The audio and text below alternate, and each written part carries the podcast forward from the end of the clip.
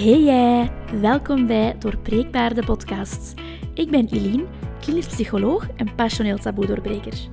In deze podcast ga ik jou helpen om meer inzicht te krijgen in jouw eigen patronen, om deze patronen te doorbreken en om de wonden uit jouw kindertijd te helen.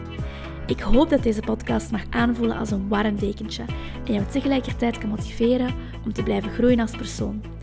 Dus, ben jij klaar om jouw patronen te doorbreken? Dan ben je hier op de juiste plaats. Van harte welkom.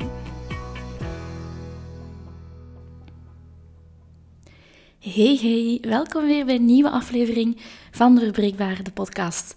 Zoals ik vorige aflevering al aangaf, gaat deze aflevering een klein beetje anders zijn dan de normale afleveringen misschien.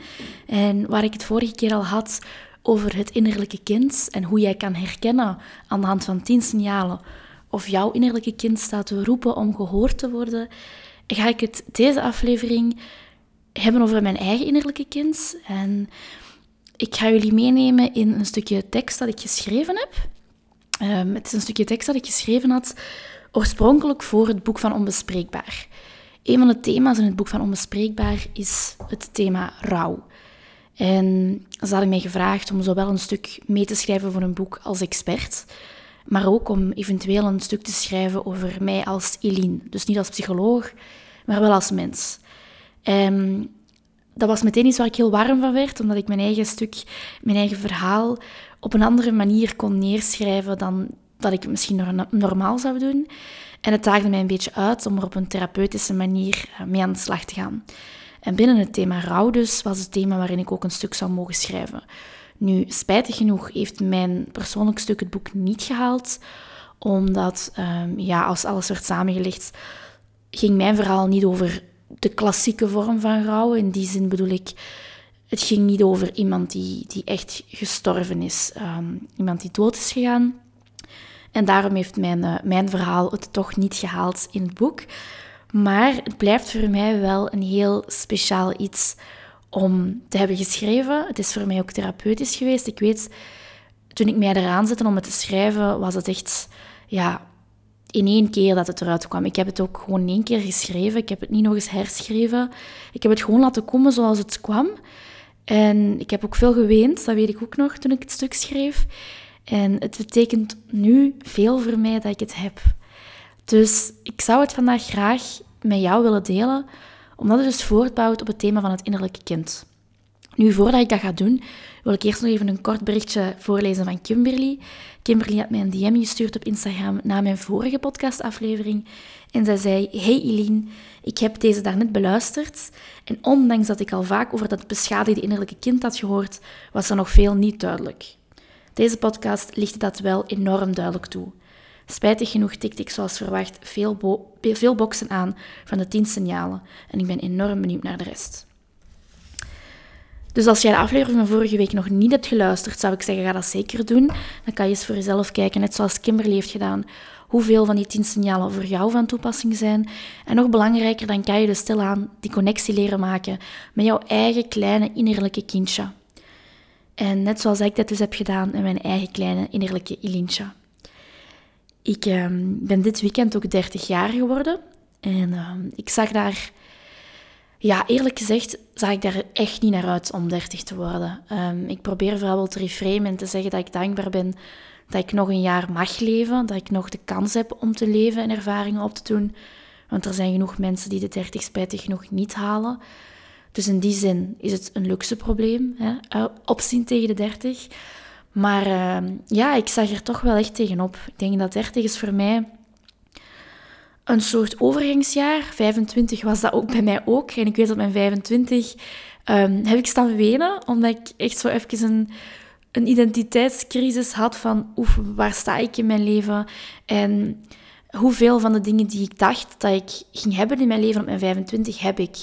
En toen waren dat er eigenlijk niet veel. En nu op mijn 30, ik zag er heel erg tegenop om opnieuw zo wat in die identiteitscrisis te komen. Ehm, van 30 worden en te beseffen welke dingen er nog niet aanwezig zijn in mijn leven. En in, een van de, ik denk niet alleen één van de, gewoon het grootste ding bij mij als 30-jarige. En ik weet dat veel vrouwen zich hierin zullen herkennen als die ook nog, net zoals mij, geen kinderen hebben en een kinderwens hebben. Is dus, ja, de kinderwens die nog niet ingevuld is. En die 30, die stelt dat nog eens scherp. Um, dat is iets waar ik al heel veel maanden heel lastig mee heb. En ik heb het ook effectief um, de afgelopen dagen daar ook lastig mee gehad. Op een bepaalde avond enorm lastig mee gehad. En ja, dat is dus de reden waarom dat voor mij, hoofdzakelijk de reden waarom het voor mij toch um, zeer gemengd is om 30 te zijn. Ik denk dat dat iets is wat ik zeker nog eens een andere podcast of zo um, dieper op kan ingaan, eventueel op het stukje van zo de kinderwens en wat het dat doet om 30 te zijn en, en precies gevoelsmatig wat achter te staan op, op je omgeving, waarbij iedereen um, al kinderen heeft vaak, of toch zwanger is op zijn minst. Um, en dan zijn er mensen, zoals mij ook, die dat uh, een kinderwens hebben, maar nog geen kinderen hebben. Maar dat kan best wel pittig zijn. Dus ja, kort dat dus. Misschien denk ik er nog eens op een andere aflevering verder op inga. Maar dat maakte dus waarom dat ik wel heel dubbel tegenover mijn dertigste verjaardag stond. Maar anderzijds heb ik dus ook vooral dankbaarheid dat ik 30 mag worden. En ik kijk ook wel met een bepaalde trots terug op al die jaren die ik nu al leef. Omdat als ik terugkijk naar de helft van mijn leven toen ik 15 jaar was, kleine Eline van 15 jaar, ik denk dat, ze, ehm, dat er veel dingen nog niet in mijn leven zijn die ik misschien had gedacht dat er wel gingen zijn. Maar anderzijds denk ik dat kleine Eline ook heel trots zou zijn op wie ik ben geworden als persoon. En hoe ik ondanks mijn eigen verhaal, mijn eigen rugzak, toch mijn weg heb gevonden. En daarom dus de podcast van vandaag, dat ik ga voorlezen hoe ik nu eigenlijk een beetje terugkijk op mijn eigen verhaal en vooral ook op dat, dat kleine Ilientje. Ehm, het is een beetje anders misschien, dus ik weet niet of het iets, iets gaat zijn dat jullie überhaupt interessant gaan vinden. Maar ook al is het maar puur voor mij dat ik dan deze podcast kan opnemen en dat ik van mijn geschreven woord ook gesproken woord kan maken. Ik weet dat dat voor mij dan ook weer een therapeutische ervaring gaat zijn. Dus ook al alleen daarvoor zou ik het doen. En wie weet kan ik toch uh, jullie of jou als luisteraar hiermee inspireren om misschien eens aan de slag te gaan met op een bepaalde manier jouw eigen verhaal uit te schrijven. Oké. Het kadert dus in het thema rouw. En het is dus rouwen om mijn eigen innerlijke kind. Daar gaat mijn tekst over. Um, ik spreek in mijn tekst ook wel als, als, ja, af en toe over de, of jou als lezer, maar daar ga ik dus van maken jou als luisteraar. Dus ik ga het gewoon voorlezen zoals het geschreven is. En hopelijk lees ik het ook een beetje deftig voor. En um, dan ga ik er gewoon aan beginnen. Oké. Life seems sometimes like nothing more than a series of losses. From beginning to end. That's the given.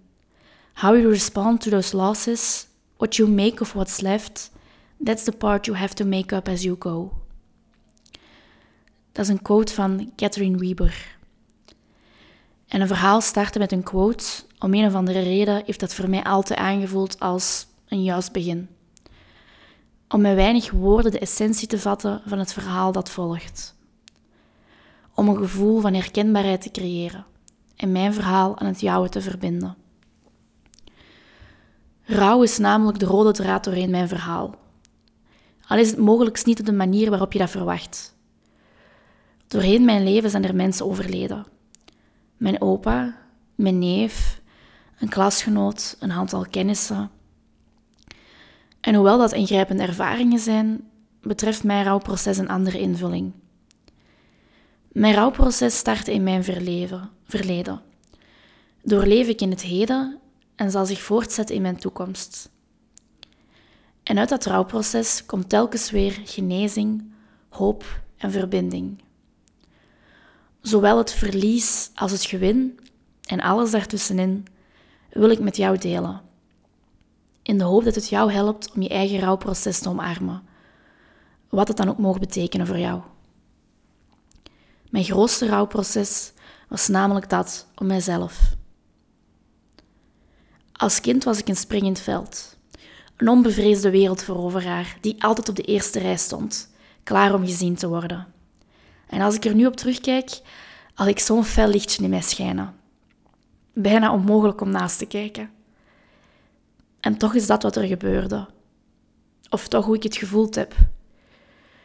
Net omdat ik zo'n fel lichtje had schijnen, net omdat, net omdat ik op de eerste rij stond, net omdat ik zo sterk leek. Net daarom werd ik niet gezien wanneer mijn lichtje dreigde uit te doven. Wanneer ik verloren liep in het donker. Net toen had ik het nodig dat iemand mij echt zag. En net toen gebeurde het niet. Tot hiertoe is mijn verhaal misschien nog wat mysterieus. Dus sta me toe om even te verduidelijken hoe dat kleine meisje met dat felle lichtje een verdwaalde ongelukkige tiener werd. Ik was al mantelzorger nog voor ik wist wat dat woord wou zeggen. Of überhaupt nog voordat ik wist dat dat woord bestond. Bijna 44 jaar geleden, toen mijn papa nog een jonge man was, had hij een ernstig motorongeluk. Hij kroop door het oog van de naald. Maar het verdikt was hard. Jaar na jaar zou hij kracht verliezen. Jaar na jaar zou hij steeds minder kunnen. Zijn armen, zijn longen, zijn borst, alles zou verlamd worden. Hij leed bovendien aan ondraaglijke zenuwpijnen. 18 jaar geleden kwam die voorspelling uit. Ik was toen 10 jaar oud. Um, ondertussen is het trouwens 20 jaar geleden. kwam die voorspelling uit. Ik was 10 jaar oud toen mijn papa moest stoppen met werken. En toen mijn mama ineens voor twee moest werken. Vanaf toen kwamen we al snel in een donkere spiraal terecht. Het fysieke trauma was namelijk niet het enige waar mijn, vader nu enorm mee geconfronteerd werd. Ook zijn emotioneel trauma brak nu in alle hevigheid door. Zijn ouders, mijn biologische grootouders, hadden hem namelijk nooit de liefde, zorg en aandacht gegeven die hij als kind verdiende. Om een lang verhaal kort te maken, toen ik geboren werd, stelden zijn ouders hem voor een ultimatum. Of hij koos voor zijn ouders, of hij koos voor ons. In zekere zin ben ik dus de reden geweest voor de breuk tussen mijn vader en zijn ouders. En ergens heeft dat diep binnenin mij wonden geslagen. Door mij als kind te krijgen, kon hij geen kind meer zijn van zijn ouders. Je ziet het. Rouw kent vele vormen. De combinatie van het fysieke en emotionele leed dat mijn vader elke dag met zich meedroeg, resulteerde dan ook in een zeer ernstige depressie. Hij werd een donkere, levensloze schim van de fiere, ambitieuze mama waar, man waar mijn mama mee getrouwd was. Niet alleen verloren we dus een werkende ouder, mijn mama verloor haar man. Mijn papa verloor zichzelf en mijn broer en ik verloren onze vader. We waren allen in een rouwproces, maar niemand van ons die het toen wist. Die acht jaren, van mijn tien tot mijn achttien, waren helse jaren.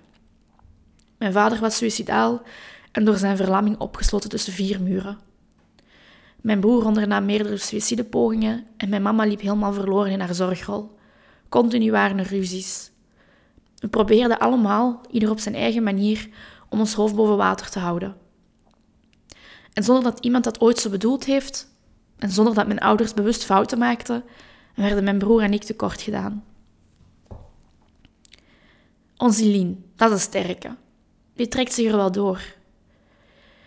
Dat is wat mijn mama altijd zei. Mijn lieve, sterke, zorgzame mama. Die al haar energie stak in het recht houden van een huishouden met twee tieners en in het zorgen voor haar man. Daardoor had zij ook geen energie meer over om voor zichzelf te zorgen.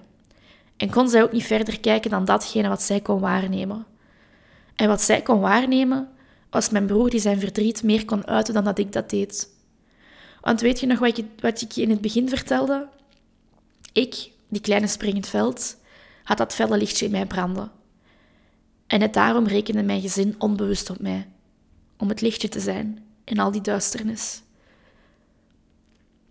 Maar dat kleine meisje met dat felle lichtje werd opgeslokt door de duisternis. In plaats daarvan kwam een boze, teleurgestelde, verdrietige tiener die niets liever wou dan verdwijnen. En tegelijkertijd niets liever wou dan weer gezien worden. Echt gezien worden. En dat resulteerde in een stevige muur rondom mij, waardoor ik thuis niet liet zien hoe slecht, ik me eigenlijk voelde. Ik hield me recht en mijn schouders breed, zodat anderen hierop konden uithuilen. Voor de buitenwereld was er weinig aan mij te zien. Ik was een extraverte, luide en aanwezige tiener. Ik had veel vriendinnen, veel vrienden, was graag gezien op school, maar slechts één vriendin wist hoe het echt met mij ging. En van hoe het echt ging, liep ik weg. Ik dronk mijzelf ieder weekend ladderzat, om dan stevast te eindigen als een hoopje ellende in een afgelegen straatje. Ik had geen controle over mijn leven, dus probeerde ik controle te krijgen over mijn eten en mijn gewicht, wat resulteerde in een stiekem eetstoornis. Mijn emoties kon ik maar op één manier eruit laten, en dat was via zelfbeschadiging. Mezelf snijden was de enige manier waarop iemand kon zien dat mijn stevig lijkende muur eigenlijk een zelfgebouwde constructie was, die op vallen stond. En de tranen die ik liet, s'avonds alleen op mijn kamer, die waren vooral voor mezelf. Die boze, maar vooral gekwetste tiener wou eigenlijk gewoon terug dat kleine meisje met dat lichtje zijn. I will not say, do not weep, for not tears, for not all tears are evil. J.R.R. Tolkien. Wat het betekende om op zo'n jonge leeftijd al geen kind meer te kunnen zijn, dat besef ik pas nu ik volwassen ben. Ik rouw nog altijd om dat kleine meisje met haar felle lichtje. En mijn naam zou evengoed vervangen kunnen worden door die van jou, als jij jezelf hierin herkent. Mijn verhaal is namelijk geen unicum. Elk huisje heeft zijn kruisje, zeggen ze soms wel eens. Al is dat kruis soms verdomd zwaar om te dragen. Maar mijn verhaal stopt niet daar, bij die gekwetste tiener en dat gebroken gezin. En als je één ding meeneemt van dit verhaal, dan hoop ik dat dat het volgende is. Dat het een verhaal is vol kwetsuren en tegelijkertijd een verhaal met genezing en verbinding. Dus als jij midden in je eigen verhaal zit, luister dan gerust nog even verder. Want het tweede deel van mijn verhaal is er een van hoop en herstel. Toen ik 18 jaar oud was, heeft mijn vader zich voor de eerste keer geëxcuseerd voor de pijn die hij mij onbedoeld had gedaan doorheen de jaren. Sindsdien is mijn rouwproces stilletjes aan van start gegaan. Zowel over de vader die ik zo lang had moeten missen, de moeder die mij niet zag, als over het kind dat ik niet kon zijn.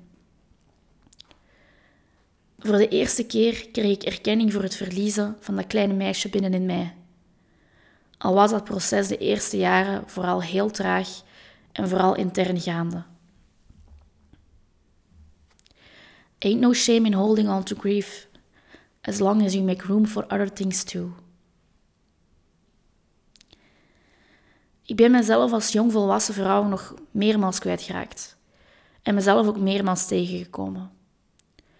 Het was pas op het moment dat ik actief ben beginnen zoeken naar hoe ik dat kleine meisje en die gebroken tiener kon betrekken in mijn herstelproces en mijn genezing echt eens kunnen starten. En dat proces heb ik gelukkig niet alleen moeten doen. Mijn papa klom stilaan uit zijn depressie en deed doorheen de afgelopen jaren zijn best om ook met zijn verlamming te leren leven. Hoe beperkt dat leven ook is. Met mijn mama heb ik al ontelbaar veel gesprekken gehad over onze moeilijke periode en hoe dat kleine meisje niet gezien werd. Dat betekende ook dat ik, zonder rancune en zonder de beschuldigende vinger te wijzen, gesprekken heb gevoerd met hen over hoe zij onbedoeld tekort zijn gekomen als ouders. En hoe die tekortkomingen ook in mijn volwassen leven zorgen voor mijn eigen valkuilen, mijn relatiepatronen en mijn, mijn momenten intens verdriet. Dat daar nu de ruimte voor is om dat te kunnen en mogen uitspreken, daar ben ik hen zo enorm dankbaar voor. Het mooiste voor mij om te ervaren is dat ik geen negatieve gevoelens meer voel naar mijn ouders toe. Waar ik in het begin van mijn genezingsproces mezelf nog enorm hard tegenhield om mijn verdriet, mijn pijn en mijn rouw toe te laten, kan ik mijn muren nu echt laten zakken. En wanneer ik die laat zakken, dan staan mijn ouders er, allebei, om mij op te vangen. Om mij te laten huilen, tot in het diepste van mijn zijn. Totdat ik niet meer alleen huil, maar samen met dat kleine meisje met dat felle lichtje. Pas nu ik een volwassen vrouw ben, kan ik echt kind zijn bij mijn ouders. En dat voelt zowel als een enorme opluchting, maar ook als een enorm verdriet. Beide kan ik nu toelaten. Beide versies van mij mogen er simultaan zijn. Naast verlies en rouw is er de laatste jaren dus ook enorm veel groei en verbinding geweest. En in die verbinding proberen we nu ook zo goed mogelijk elkaar, te betrekken in ons volgende rouwproces. Mijn vader mogelijk zijn euthanasieproces. Met het grote verschil dat we het deze keer samen gaan doen. Als het gezin dat we zijn geworden. Een hecht gezin. Een warm gezin.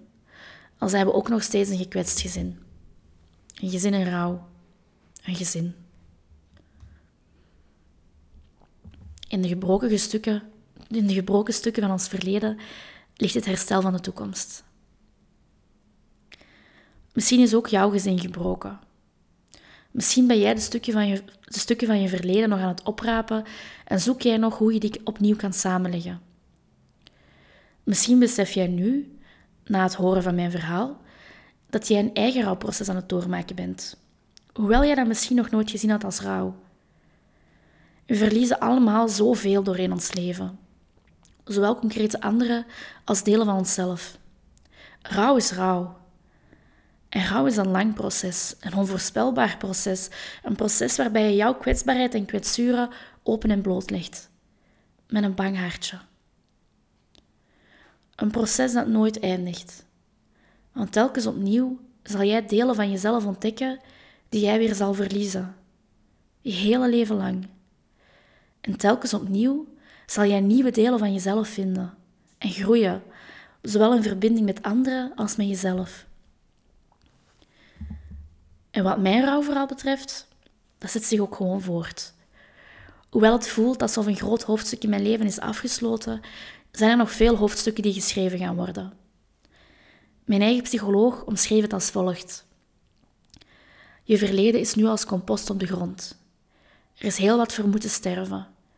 En nu is het tijd om er iets nieuws uit te laten groeien, om zaadjes te planten. Ik voeg er graag nog iets aan toe. Namelijk dat ik hoop dat ik ook bij jou zaadjes heb kunnen planten. En dat die zaadjes op termijn mogen uitgroeien tot grote, sterke bomen. Bomen die tegen een stootje wind kunnen. Bomen die veel zon vangen en met hun kruin ook bescherming kunnen bieden. Bomen die lang mogen bloeien, om dan op termijn ook te sterven. En op hun beurt compost vormen voor nieuwe zaadjes, nieuwe bomen en nieuwe kansen.